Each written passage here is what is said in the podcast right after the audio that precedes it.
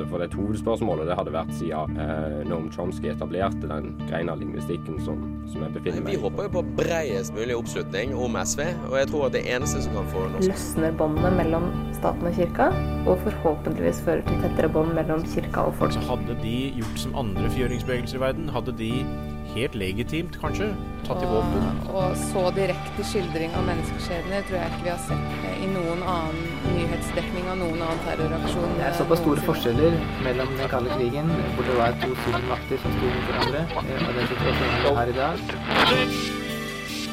Du hører på samfunns- og aktualitetsmagasinet Opplysningen 99,3 på Radio Nova. Opplysningen 99,3 på Radio Nova. Nord-Korea, ja. Ja, fordi her har det faktisk vært krig siden ja, blir det 50-tallet. De har ennå ikke fått en fredsavtale mellom nord og sør. Vi ser sterke allianser på alle sider, og nå er det til og med snakk om atomvåpen. I studio i dag så har vi fått med oss Mats Motrøen, som er skribent for amerikansk politikk og Minerva, og kan ganske mye om akkurat dette temaet. Velkommen. Tusen takk. Først lurte jeg på, hva er, hva er egentlig situasjonen i Nord-Korea? Hvorfor er dette så viktig? Hvorfor er det viktig? Det er jo øh, en situasjon som, som, kommer opp ganske ofte i, øh, i, media. Og den har blitt nå aktuell igjen litt på måten Trump har behandlet det på. Men han er på ingen måte den første til å til å sitte i dette, i denne, i denne ordkrigen da, mellom Nord-Korea og, og, USA. Uh, for de har jo eh, holdt det gående mm, i, i, ganske lang tid, og spesielt etter at uh, Nord-Korea begynte med prøvesprengninger, som er litt usikkert på om faktisk, de faktisk har atomvåpen eller ikke, men de har i hvert fall noen veldig kraftige bomber. Og, og da, ble det, da ble det en litt varmere, varmere krig, holdt jeg på å si, um, eller konflikt, med at, med at uh, USA begynte å bli redd for at, for at, de skulle faktisk skaffe seg uh, atomvåpen.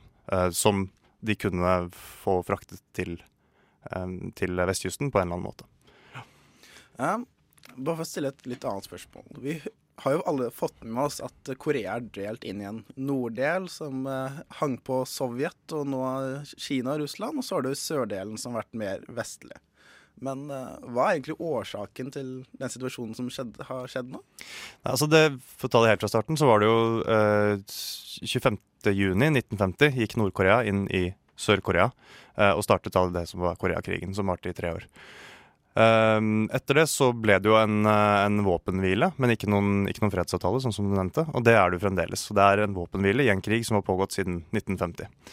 Uh, eh, I den krigen så var det jo da uh, USA på den andre siden, på Sør-Koreas side, som, som, rykket inn. Og var relativt brutale i, i, mengden bomber de slapp. De teppebombet hele, hele Nord-Korea. Veldig, veldig mange døde. Um, de slapp vel flere bomber der i Nord-Korea enn de gjorde i hele stillehavsområdet under selve andre verdenskrig. Uh, og dette husker Nord-Korea. Uh, I Nord-Koreas versjon så er det USA som startet krigen, som jo ikke stemmer. Um, men de er, husker fremdeles bombene som ble sluppet over, over Nord-Korea, så det har vært et det, det, har, det, er et stridstema mellom, mellom Nord-Korea og USA. Det er, det er, det de er delvis redde for, men også husker veldig godt. Og um, ja, så, så det, er egentlig der det, det, som er utgangspunktet. Ja. Og nå hører vi jo da Trump gå ut og si både han skal eh, bombe Nord-Korea sønder og sammen, eh, og tiltaler Kim Jong-un som uh, Rocket Man. Little Rocket Man. Little Rocket Man, ja. Mm. Uh, hvilk, altså, hva er det som har forandret seg nå som Trump har blitt president, til forskjell fra Trump, Trump, er en løsere kanon, rett og slett. Um, og det som uh, Dette er, det kan understrekes er, er, min tolkning av det, for det er veldig vanskelig å få, få styr på faktisk hvem som tenker hva og reagerer på hva og hvordan, og om dette er annerledes enn før. og i det hele tatt, Men um, når, når, Trump går såpass hardt ut eh, når det da, når f.eks. Nord-Korea eh, har en eller annen prøvesprengning, sender en rakett over Japan, et eller annet, så, så, skal det reageres fra USA, det er jo helt riktig, men han har reagert ganske voldsomt med at det skal komme fire and fury over, og han skal bombe dem sønder og sammen. Eh, jeg tror nok eh, Kim Jong-un eh, så gjennom den bløffen. Fordi, eh, fordi, ganske mange andre i utenriksapparatet i USA sa at det, vi, vi, skal ikke, vi, skal ikke, bombe dere sønder og sammen. Og når det da er to, to ganske stridende, stridende utsagn innenfor, innenfor, samme administrasjon, så, så, er det litt vanskelig å holde en enhetlig linje utad. Og dette kan Kim Jong-un absolutt kapitalisere på. Men uh, bare for å spørre deg, det er jo ganske spesielt at uh, ett land har motstridende utenrikspolitikk. Uh, hva er som er årsaken til det?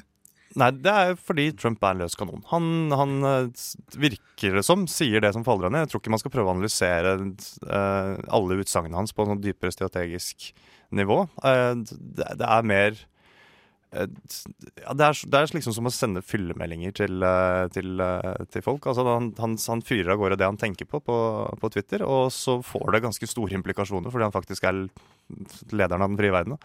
Um, og så må man drive da brannslukning etterpå. Dette er jo for så vidt et, en sak alle republikanere som sitter i Kongressen er ganske lei av, fordi de får ikke gjort noe som helst annet enn å, enn å slukke branner. Det er litt overdrevet, men de er, ganske, de er ganske slitne av det. Og det, det, er jo også grunnen til at man kan få en motstridende utenrikspolitikk i, i, i samme administrasjon.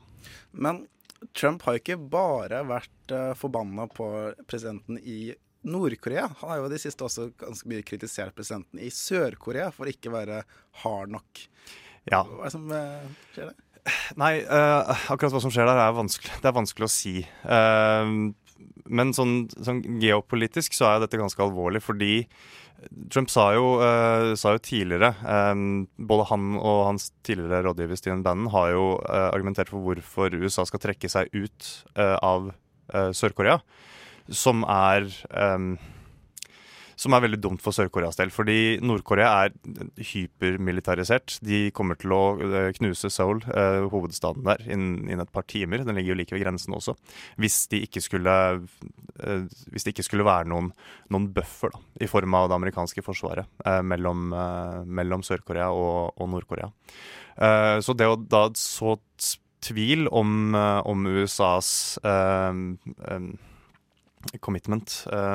til, å, til, å, forsvare Sør-Korea, uh, er ganske farlig. Og det er, dette, det er, jo dette mange tror at er et av målene til Kim Jong-un, å få uh, amerikanerne bort fra Sør-Korea. Fordi den ideologien holdt jeg på å si, som, som ligger til grunn for det nordkoreanske regimet uh, der er det ganske, der er det ganske sterkt ønske, og det har det vært siden da bestefaren, Kim Il-sung, til å forene Korea igjen.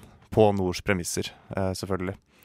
Um, så det, er, det, kan også være en av grunnene til at han vil utvikle atomvåpen. Um, og at han tenker seg at med en gang han har faktisk muligheten til å treffe USA, uh, vestkysten på, av USA, med en interkontinental ballistisk missil, som vi jo vet at han har, så vil han kanskje kunne true USA til å trekke seg ut av uh, Sør-Korea, for så å eventuelt gå inn der. Men dette det blir veldig spekulativt.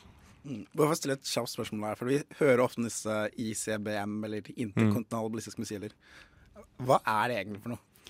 Eh, altså, En eh, ballistisk missil er i motsetning til en, eh, til en rakett, f.eks styrt eh, Det er hvordan de styres, da, rett og slett.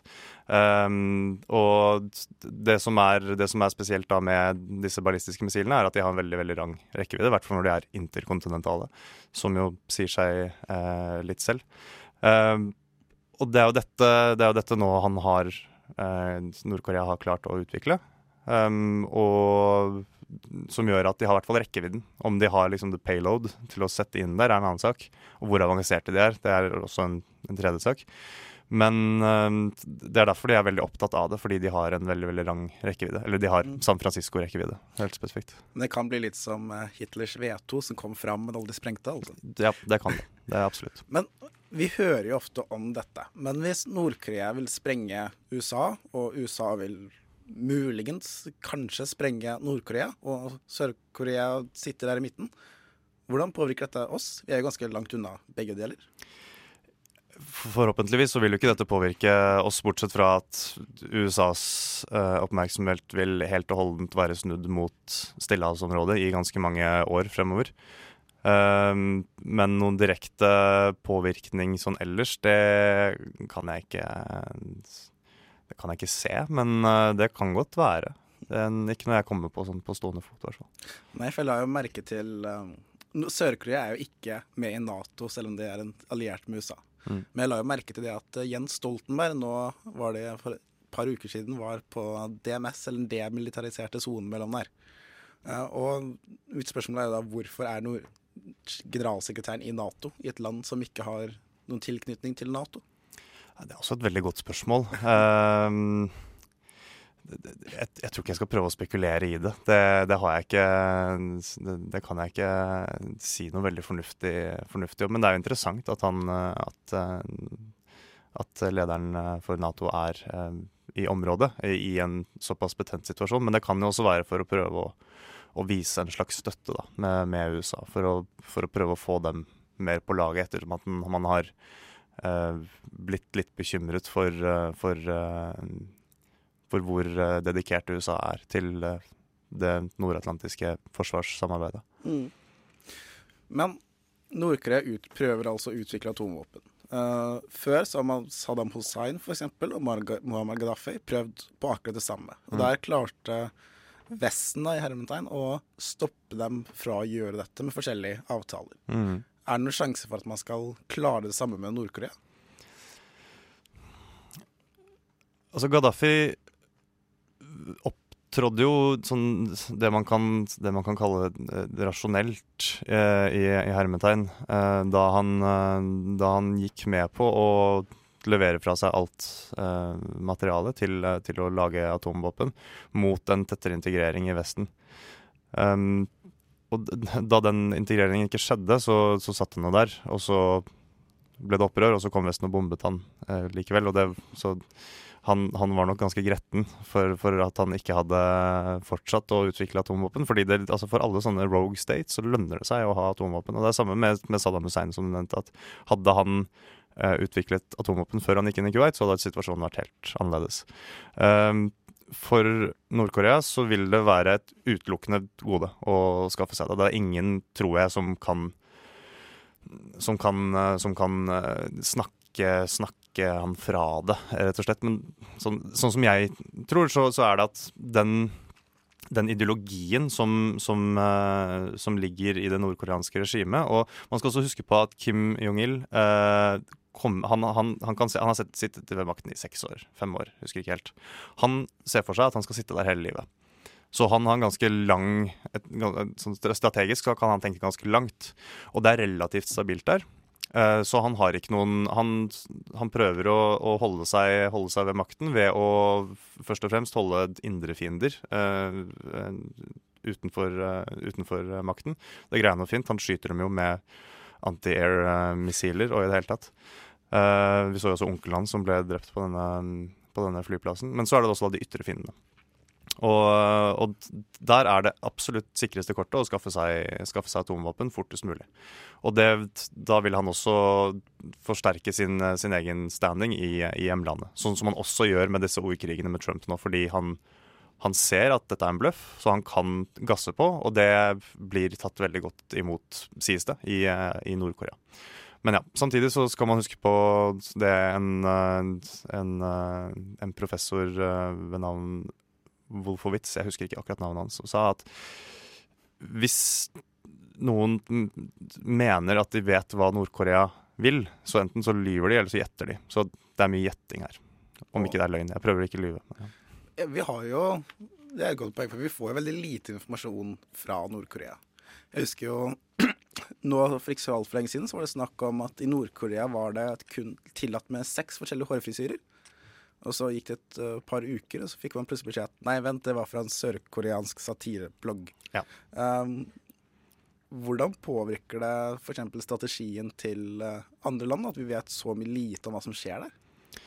Det påvirker den i det at det blir veldig mye mer usikkert. Altså, Som han samme som jeg siterte nettopp sa, at vi vet jo ikke engang hva Kim Jong-il eh, spiser til frokost. Så hvordan i all verden kan vi vite strategien hans? Hva som er hans endgame. Vi har jo noen avhoppere som av og til dukker opp stort sett i Seoul eller i London. Um, men de er sjelden faktiske insiders.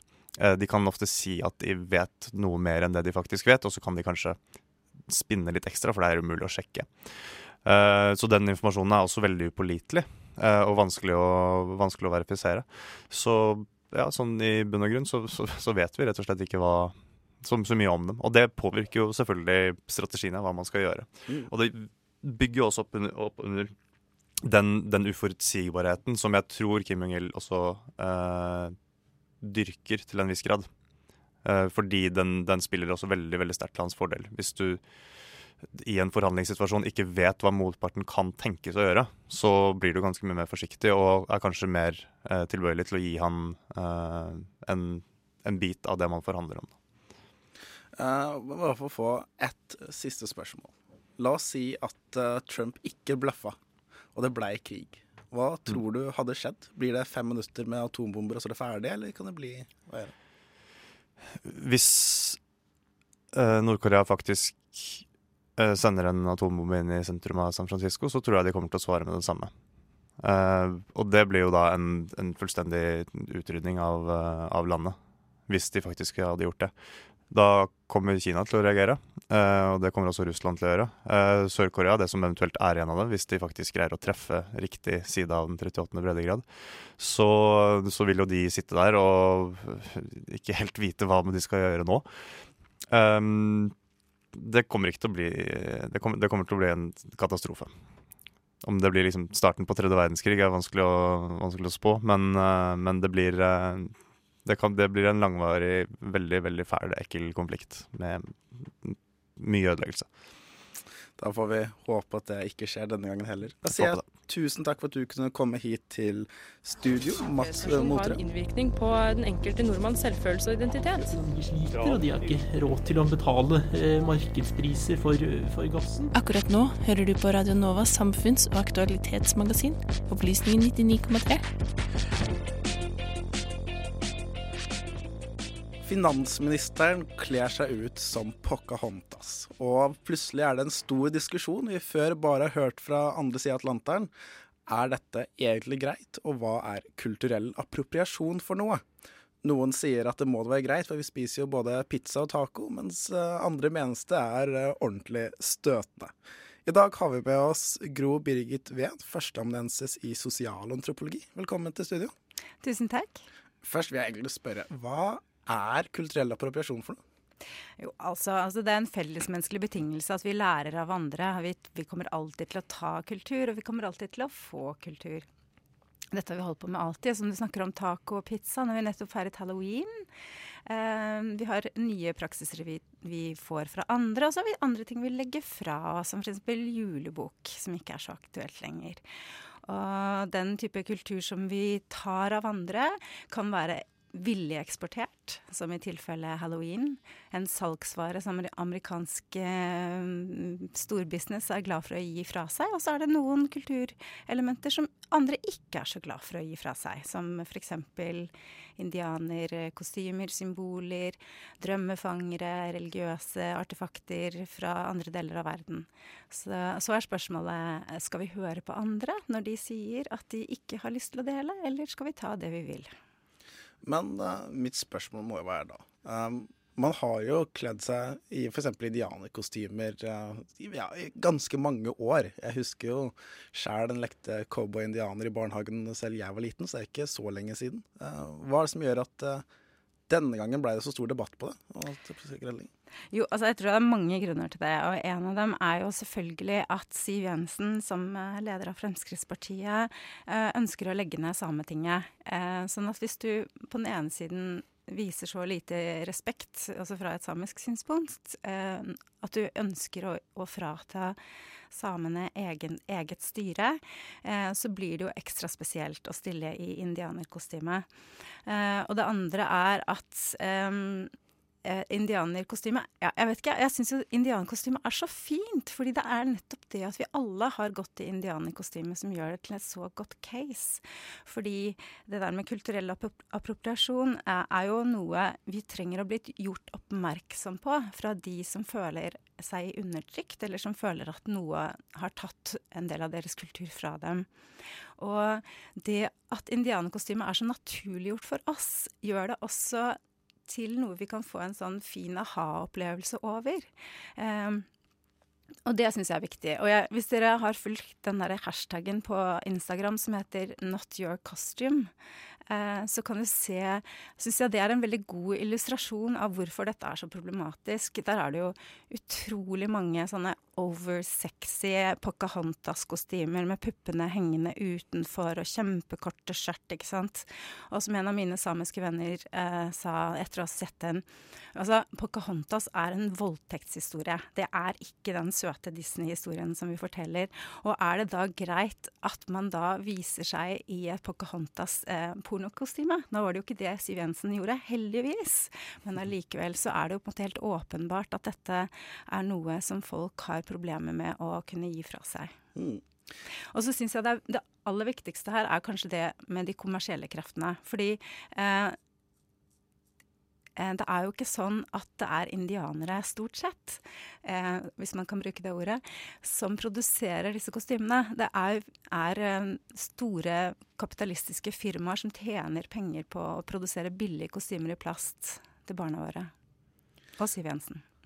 Men nå skal jeg stille et uh, spørsmål som jeg føler mange av de som har sagt det er helt greit på, Facebook-debatten, Facebook-debatten, f.eks. Hørte en fra Arbeiderpartiet nevne det det hun sa 'Jess Siv Jensen'. Um, det må være verdens mest misbrukte hashtag. We. Men uh, Jeg syns synd på Paris. det var jo det er ingen som er uenig i at urbefolkningen i USA har blitt undertrykket og diskriminert mot før. Men er dette virkelig et problem i vår fantastiske, moderne, liberale nåtid? Har du gått helt glipp av Standing Rock? Oi. Hvor mange er det ikke som har delt de her grusomme filmene av folk? Bestemødre som blir eh, slått med batonger på Standing Rock på Facebook. Jeg syns det Jeg vet ikke om jeg kan svare på det på en bedre måte. jeg spør vel litt for å få akkurat det svaret. Nei, men uh, mitt spørsmål er jo Hvorfor tror du så mange ikke oppfatter det som et problem? Fordi altså, jeg stiller det spørsmålet, det er jo mange som faktisk oppfatter det sånn at dette er ikke et problem i dag, og de, også, eh, som, de som mener det skulle være støtende, bør bare skjerpe seg og få litt glimt i øyet. Ja, ja, nei, Det er jo helt klart, og det er flere grunner til det. Det er én fraksjon som sier at dette er jo, det er så viktig med den ytringsfriheten. Og vi bør få lov til å si hva vi vil, uansett om det krenker andre, fordi ytringsfriheten er det viktigste prinsippet. Eh, og det er jo en Det er jo på en måte å flytte hele spørsmålet over en helt annen debatt, men jeg syns det er veldig interessant at mange av de som er opptatt av ytringsfrihet, også blir så veldig krenket når andre kritiserer dem for å ha det synspunktet. Uh, så det er den ene siden av saken. Og den andre siden av saken er det at uh, de som sier at ja, men hvorfor er dette problem, er ofte av det vi nå må kalle en majoritetsbefolkning. Altså så er de de, de, er de samme mennene som sitter og sier som, De er de samme som de mennene som sitter og sier til hashtag metoo 'Hvorfor er dette et problem?' Det burde, det burde dere bare leve med. Ja, er det så gærent å bli tafsa litt på, da? Altså, Nei, det må vi da kunne tåle. Det er uh, veldig, veldig klassisk høsting, i hvert fall. Ja. Men en annen ting jeg lurer på, er det at uh, er det så spesielt når uh, Nei, sånn skal jeg formulere det på en litt annen måte. I Norge så hører vi jo ofte at det er blitt snakka om at, sam, at, samer som snakker om dette. Uh, og mitt spørsmål må jo være da Er det i Norge, som jo ikke I Norge har vi ikke tradisjon for å undertrykke urbefolkningen i USA. Uh, veldig enkelt fordi de ikke er her. Uh, men litt verre historie med samene. hvorfor er samene så opptatt Eller det var litt stereotypisk. Hvorfor er det så mange samer som er opptatt av det som skjer med urbefolkningen andre steder? Ja, altså Nå er jo ikke jeg samisk, så jeg kan jo ikke snakke for samene. Eh, men jeg kan snakke fra et profesjonelt eh, synspunkt. Og det er jo klart at urfolksbevegelsen har jo blitt en, en, stor internasjonal bevegelse. Og folk føler seg veldig solidariske med, med, urfolk andre steder. Og det er jo på en måte generelle problemstillinger det er snakk om, som, som gjelder for alle. Det er, jo ikke, det er jo ikke sånn at ikke samisk kulturarv også blir stjålet. Eh, så dette er jo, dette er jo og jeg syns det er viktig å si at dette er jo eh, et spørsmål om å velge sine kamper, og da må man velge de kampene. Og det er det jo ingen stor enighet om. Noen samer syns at dette er en god kamp, noen syns at det er en dårlig kamp.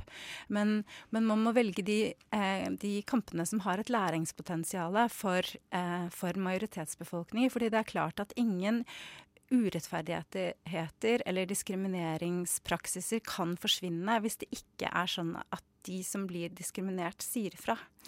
For å venkle litt på det du sa der først, at jeg kan tenke meg over. fordi i Norge så er det veldig få som Eller jeg har faktisk aldri sett at noen kler seg ut i en kofte. Annet enn eventuelt de som faktisk bruker en kofte som en del av samisk befolkning. Uh, hvorfor er det så lett for folk å forstå at ikke bruk den samiske nasjonaldrakta til kødd, mens det er så vanskelig med den urbefolkningen i USA i stedet?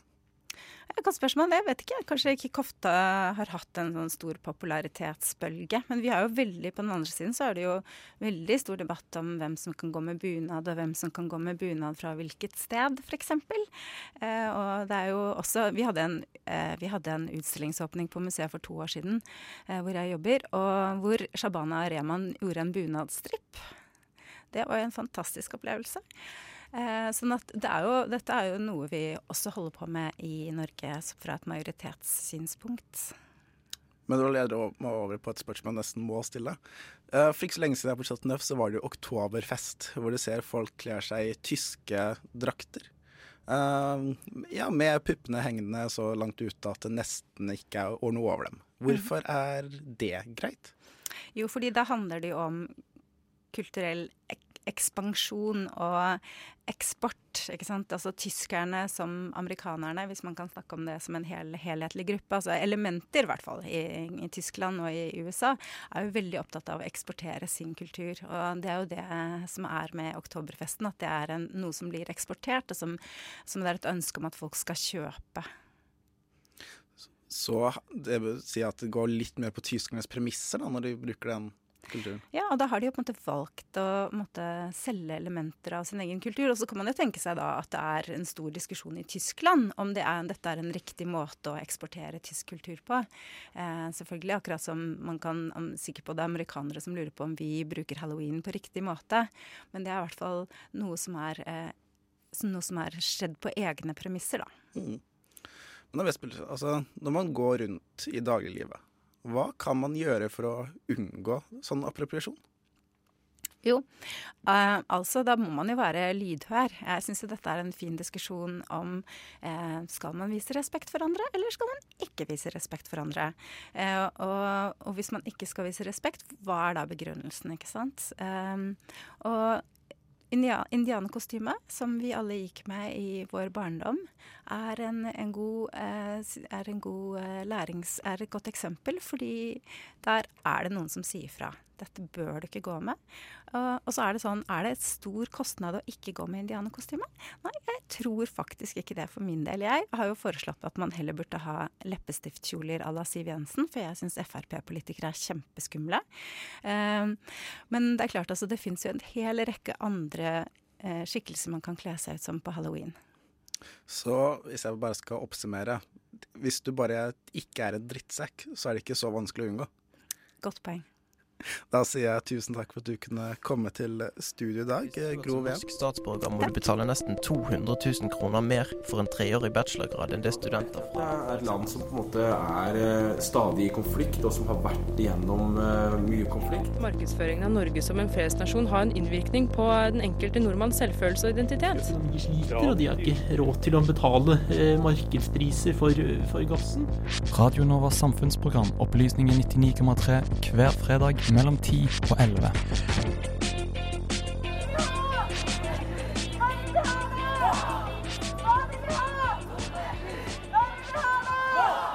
Velkommen til Europas største markering for pelsdyrene.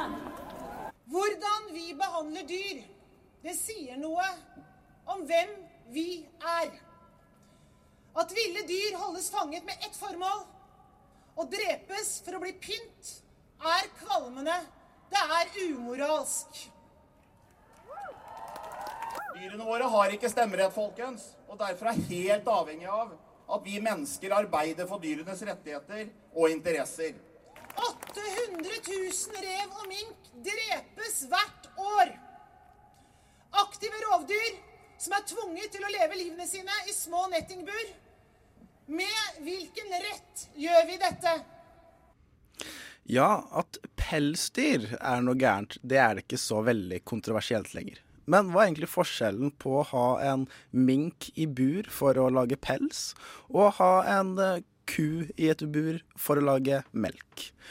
Artssjåvinisme er jo et hyppig diskutert tema. Nå hadde vi Peter Singer på foredrag her forrige uke for å snakke om nettopp dette. Og i studio så har vi Bjørn Ramberg, som er professor i filosofi ved Universitetet i Oslo. Velkommen hit. Takk for at jeg fikk komme. Mitt første spørsmål er veldig enkelt. Hva er eh, artssjåvinisme for noe? Så Uttrykket går tilbake til uh, 1970. Første kjente bruk en, en uh, britisk uh, psykolog som het Ryder, tror jeg, Richard Ryder, som eh, brukte det i, et, eh, i en pamflett hvor han eh, kritiserte eh, vitenskapelige forsøk som benyttet seg av dyr. Eh, og det han, eh, han la i det, eh, var ideen om at i behandlingen av andre arter så, så utviste vi fordommer på vegne av vår egen art. Altså at vi trakk et etisk skille mellom Homo sapiens og andre arter som ikke var begrunnet i fornuft eller refleksjon, men i uvilkårlige fordommer. Men er det ikke et skille da, mellom oss mennesker og en vanlig ape, sånn rent etisk? Altså, det er veldig mange forskjeller uh, arter imellom. Det er jo derfor de er forskjellige arter. men men, uh, men uh, hvilke forskjeller som gjør en etisk forskjell, er jo eh, eh, på ingen måte opplagt. Og, og mye av diskusjonen her går jo nettopp på det. Hvilke forskjeller mellom eh, individer, mellom arter, er det som eh, er eh, etisk relevante? I den forstand at de kan rettferdiggjøre forskjellsbehandling. Men da må jeg spørre, hvorfor er ikke det opplagt? For jeg tenker, Hvis jeg går ned på gata og spør er det en forskjell på å drepe en purke og drepe en liten baby, så jeg tror at de fleste sier det er en opplagt forskjell. Mm. Men eh, historisk så kommer vi fra et, en, en tradisjon, eh, særlig her i, eh, i eh, eh, Europa og den europeiske kultursfære, hvor eh, eh, andre arter enn mennesket overhodet ikke hadde noen moralsk status eller verdi. Spørsmålet er jo ikke om vi er eh, like og skal ha de samme rettigheter, men om andre arter enn mennesket skal ha eh, rettigheter overhodet, om de skal tas hensyn til som eh, Om de skal gis moralsk status i det hele tatt. Og her kommer vi fra et slags nullpunkt. Eh, Så det er mye plass mellom å si at eh, eh, dyr har ingen moralstatus, til å si at det er ingen etiske forskjeller mellom Homo sapiens og andre arter. Og det er det store rommet imellom der at vi, mye av debatten egentlig befinner seg, tenker jeg. Mm. Mitt spørsmål må jo da være hvorfor, hvorfor er det noe behov for at dyr skal ha rettigheter, da? Eh, utgangspunktet her er at eh, mennesket er ikke den eneste arten som har en opplevelse av eh, verden, og som har evne til å eh, glede seg, og ikke minst evnen til å lide. Og, eh, og de som eh, eh, kjemper for at vi skal gi dyrs interesser større vekt, de tar utgangspunkt i den tanken at dyr er også levende vesener, altså andre dyr, får jeg vel si, enn en Homo sapiens, og at de har eh, evne til å lide, og at uh, det er ingen god grunn til at vi ikke skal ta den lidelsen inn i betraktning når vi eh, bestemmer oss hvordan vi skal oppføre oss i verden. Mm. Men hvor stor grad synes det at man skal ta i betraktning? For jeg lurer på er Dreper vi dyr, så kan vi anta at de har en form for lidelse i det å dø. Er det da greit f.eks. å spise kjøtt? Er det greit å spise fisk og ikke fe, f.eks.? Dette er jo um, spørsmål som vi er blitt flinkere til å svare på enn vi var, kanskje. I hvert fall uh, svare på på systematisk og vitenskapelig vis. Uh, uh, og hvordan forskjellige arter opplever verden og, og, og, hvordan de kan lide, og hva som skaper lidelse, det er jo ofte artsspesifikt, men det kan også være individspesifikt, akkurat som hos oss eh, mennesker. Eh, og Poenget er ikke at vi skal beholde andre likt, men at alle skal få sine interesser tatt i betraktning. Mm. Og det er ikke sikkert at det verste for en laks f.eks. er å dø, men det verste for en laks kan være å, å leve et, et, liv som hindrer dens naturlige utfoldelse. Hva som er en arts naturlige utfoldelse, det er jo veldig avhengig av hva slags art vi har med å gjøre. Eh, så det er ikke sikkert det største problemet i dyrevelferden er at vi dreper dyr, selv om hvis man tar livet av dyr um, på ubetenksomme måter, så kan det også skape i seg selv stor uh, frykt og lidelse. Men det er jo veien fram. Det er det livet de lever underveis, hvor vi, hvor vi over tid ofte på systematisk vis skaper stor lidelse. F.eks. i industriproduksjon av, eh, av, grisekjøtt og kyllinger og sånt. Men jeg må jo si, vi lever jo ganske godt sånn som vi har det nå, i hvert fall eh, oss mennesker med den systemet vi har nå. Hvorfor eh, er det noe poeng i å i det hele tatt tenke over dette? Altså mm. Det er et par ting man kan si. Det ene er at eh, vi lever kanskje godt, noen av oss, her og nå. Men eh, i det lange løp så er nok ikke eh, det konsumet av dyreprotein som vi legger opp til, vi som lever i den privilegerte del av verden, det er ikke universaliserbart. Altså, vi kan ikke produsere, selv om vi hadde villet, så mye dyreprotein at alle kan legge i seg kjøtt i de mengdene som vi gjør her i Europa og Nord-Amerika. Eh, sånn at eh, det er ikke bærekraftig. Det er det ene. Um, Uh, og det andre er at uh, den måten å produsere dyreprotein på, produsere kjøtt på, den er ekstremt kostbar når det, i, i, når det gjelder den lidelsen vi skaper. Og vi må spørre oss selv om vi, vil, om vi kan leve godt i et system hvor vi vet at vi eh, skaper så mye lidelse for andre arter enn våre egne. Da må jeg si en dum ting. Er det en mulighet for at resten av oss lever en slags willful ignorance, og så er det bare de filosofer som sitter og tenker over det? Ja, jeg, jeg tror det er veldig mange ikke-filosofer som engasjerer seg veldig i dette. Det er altså